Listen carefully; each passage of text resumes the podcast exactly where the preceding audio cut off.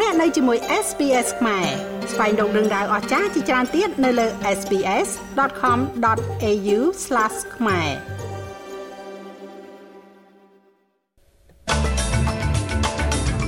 រដ្ឋាភិបាលសហព័ន្ធក្រុងនឹងណែនាំផ្នែកចុងក្រោយនៃសេចក្តីព្រាងច្បាប់ទម្លាក់ទំនងឧស្សាហកម្មរបស់ខ្លួន។បាតកោជាច្រើនអ្នកចុះមករដ្ឋធានីអំពាវនាវឲ្យមានចំណាត់ការកាន់តែខ្លាំងពីសំណាក់រដ្ឋាភិបាលអូស្ត្រាលីដើម្បីបញ្ចប់សង្គ្រាមនៅមជ្ឈិមបូព៌ា កងកម្លាំងការពារអ៊ីស្រាអែលប្រកាសថាចំណាប់ខ្មាំង31នាក់ដែលកំពុងជាប់ឃុំនៅតំបន់កាហ្សាបានស្លាប់ហើយរដ្ឋាភិបាលមានសង្ឃឹមនៅក្នុងការចរចាសម្រាប់ការគ្រប់គ្រងផ្នែកចុងក្រោយនៃកំណែតម្រង់ទំនាក់ទំនងឧស្សាហកម្មរបស់ខ្លួននៅថ្ងៃនេះ។ផ្នែកទី2នៃអ្វីដែលហៅថាសេចក្តីព្រៀងច្បាប់បិទចន្លោះប្រហោងរាប់បញ្ចូលនៅការផ្លាស់ប្តូរនិយមន័យនៃការងារបណ្ដែតឬក៏ casual work ការបង្កើនការការពារសម្រាប់កម្មករតាមរដូវកាល gig workers និងបទបញ្ញត្តិសម្រាប់សិទ្ធិក្នុងការផ្ដាច់ទំនាក់ទំនងរដ្ឋាភិបាលត្រូវការការគ្រប់គ្រងពីសមាជិក Crossbend ដើម្បីអនុម័តសេចក្តីព្រៀងច្បាប់នេះ។សមាជិកប្រសិទ្ធិរដ្ឋ Tasmania លោកស្រី Jackie Lambie មានប្រសាសន៍ថាលោកស្រីមានការព្រួយបារម្ភអំពីប៉ះពាល់ទៅលើអាជីវកម្ម Businesses themselves are doing it really tough out there and I don't see that ធុរកិច្ចខ្លួនឯងកំពុងតែធ្វើទៅយ៉ាងលំបាកនៅទីនោះហើយខ្ញុំមិនឃើញថាវាមានភាពប្រសើរឡើងនោះទេនៅក្នុងឆ្នាំនេះខ្ញុំគ្រាន់តែគិតថាសម្រាប់នរណាម្នាក់ឬក៏ភាគីដែលចេញមកនិយាយថាយើងចង់កាត់បន្ថយច្បាប់ទម្លាប់នោះខ្ញុំគិតថាផ្នែកខ្លះនៃសេចក្តីព្រៀងច្បាប់នេះពិតជាគ្រាន់តែដាក់បន្ថែមច្បាប់ទម្លាប់បន្ថែមទៀតតែប៉ុណ្ណោះហើយនោះមិនមែនជាអ្វីដែលអាជីវកម្មនៅក្នុងប្រទេសអូស្ត្រាលីត្រូវការនោះទេបតកោជាច្រើនអ្នកមកពីទូទាំងប្រទេសបានមក រដ្ឋធានីដោយអំពាវនាវឲ្យរដ្ឋាភិបាលសហព័ន្ធចាត់វិធានការកាន់តែខ្លាំងក្លានៅក្នុងការបញ្ចប់សង្គ្រាមនៅតំបន់ហ្គាហ្សាក្រុមបាតកោកំពុងស្នើសុំឲ្យរដ្ឋាភិបាលបញ្ឈប់ការគ្រប់គ្រងអ៊ីស្រាអែលនៅក្នុងប្រតិបត្តិការយោធារបស់ពួកគេនៅហ្គាហ្សាដែលបានរាយការណ៍ថាបានធ្វើឲ្យមនុស្សរាប់ពាន់នាក់ស្លាប់ តំបន់នេះត្រូវបានបំផ្លិចបំផ្លាញដោយសារចំនួនដែលកំពុងបន្តដោយលោកនាយករដ្ឋមន្ត្រីអ៊ីស្រាអែល Benjamin Netanyahu បាននិយាយថាលោកបានបដិញ្ញាចិត្តក្នុងការលុបបំបាត់កងកម្លាំងហាម៉ាស់ដែលនៅសេសសល់ដែលបានប្រមូលផ្ដុំនៅភូមិខាងត្បូងកាហ្សា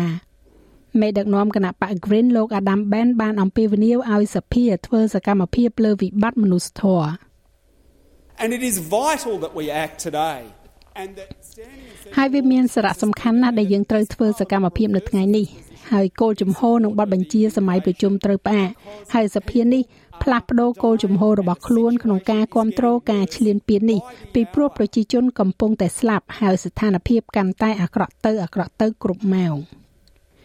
ស្របពេលជាមួយគ្នានេះកងកម្លាំងការពារអ៊ីស្រាអែលបានប្រកាសថាចំណាប់ខ្មាំងចំនួន31នាក់ក្នុងចំណោមចំណាប់ខ្មាំងដែលនៅសេសសល់ដែលត្រូវបានឃុំខ្លួននៅតំបន់ហ្គាហ្សានោះបានស្លាប់ហើយឧត្តមនាវាទោ Daniel Hagari បានប្រាប់តាមរយៈសេចក្តីសង្ខេបទៅកាន់ប្រព័ន្ធផ្សព្វផ្សាយជាទៀងទាត់ថា IDF បានតាក់ទងជាមួយនឹងក្រុមគ្រួសារនៃអ្នកដែលបានស្លាប់ លោកក៏និយាយថាក្រុមគ្រួសារនៃចំណាប់ខ្មាំងដែលនៅសេសសល់ទាំងនេះត្រូវបានផ្ដល់ដំណឹងពីស្ថានភាពរបស់ពួកគេ។ צה"ל מלווה את משפחות החטופים בימים កងទ័ពអ៊ីស្រាអែលកំពុងជួយដល់ក្រុមគ្រួសារនៃចំណាប់ខ្មាំងទាំងនេះនៅក្នុងថ្ងៃដ៏ស្មុគស្មាញនិងលំបាកហើយអ្នកតំណាងរបស់យើងបានប្រកល់ជូនក្រុមគ្រួសារនៅរាល់ព័ត៌មានដែលមានភាពត្រឹមត្រូវអំពីមនុស្សជាទីស្រឡាញ់របស់ពួកគេយើងកំពុងបន្តការប្រយុទ្ធដើម្បីឈានដល់លក្ខខណ្ឌនិងមានចំណាប់ខ្មាំងទាំងអស់ត្រឡប់ទៅផ្ទះវិញ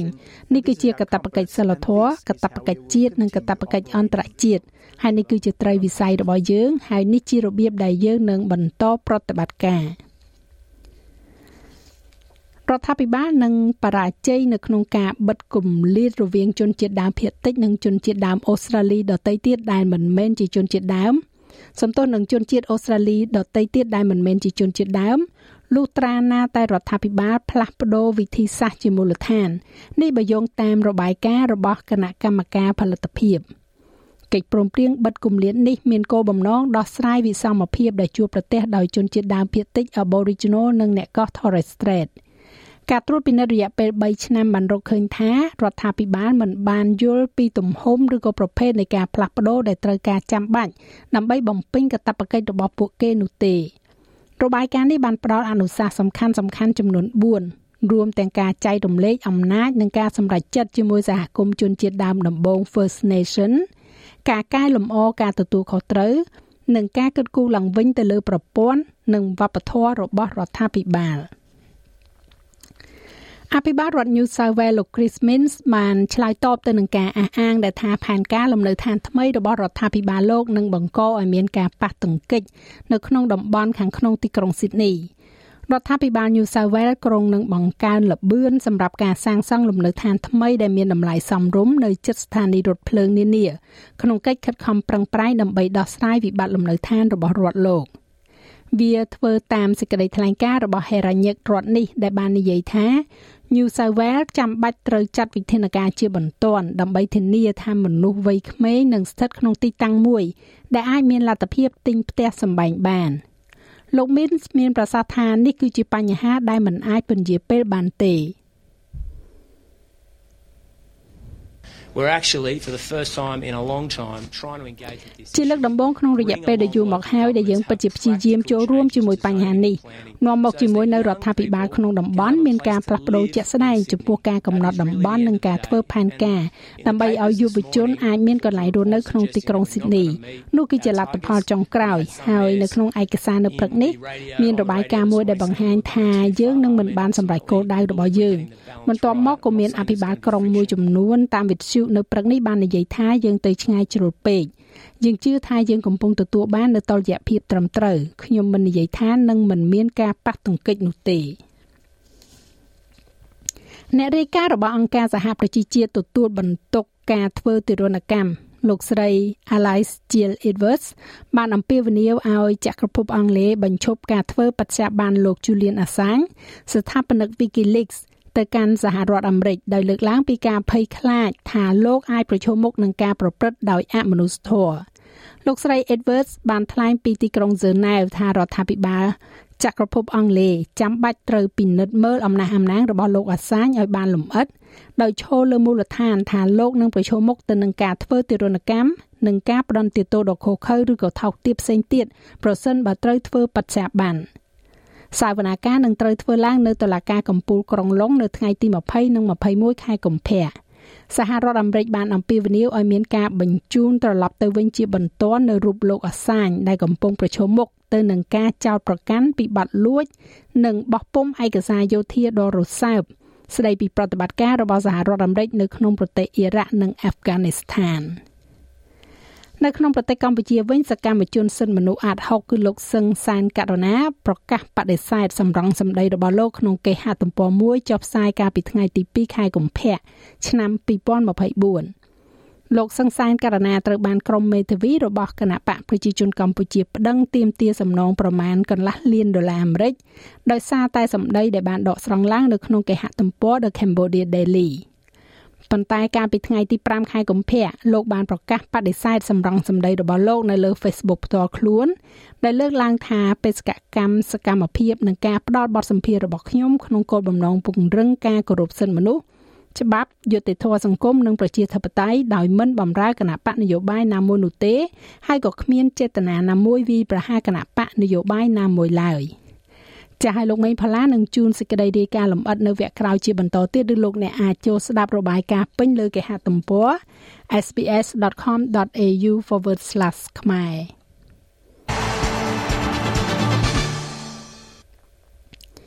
នៅក្នុងវិស័យកីឡាបាល់ទាត់ខ្សែប្រយុទ្ធវ័យ35ឆ្នាំ នាង Michelle Heyman របស់ក្រុម Canberra United ត្រូវបានរាប់បញ្ចូលដ៏គួរឲ្យភ្ញាក់ផ្អើលនៅក្នុងក្រុមរបស់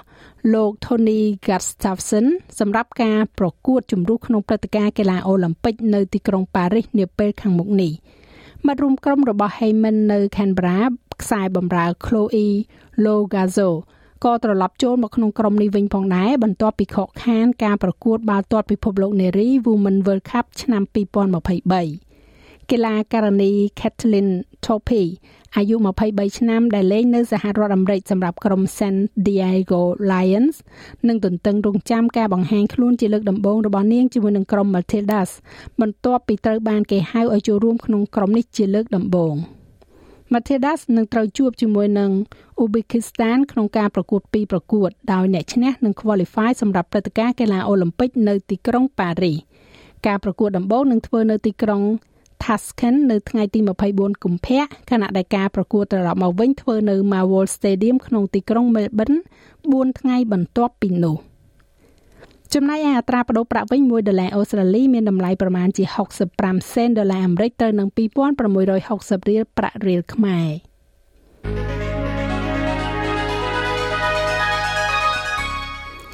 យើងក៏លេខមកមើលការព្យាករណ៍អាកាសធាតុសម្រាប់ថ្ងៃប្រហ័សស្អែកនេះវិញ ទីក្រុងផឺតបើកថ្ងៃ39អង្សា អាដាលេដស្រដៀងគ្នានេះដែរ30អង្សាមែលប៊នភាគច្រើនបើកថ្ងៃ25អង្សាហូបាតមានពពកដោយពេល25អង្សា មានពពកនៅខេនបារ៉ា23អង្សាស៊ីដនីរលឹមបន្តិចបន្តួច25អង្សា Brisbane ដូចគ្នាដែរ31អង្សា នៅ Cairns មានពពកដោយពេល32អង្សា Darwin រលឹមបន្តិចបន្តួច31អង្សា និងនៅទីក្រុងភ្នំពេញ មានពពកដោយពេល33អង្សា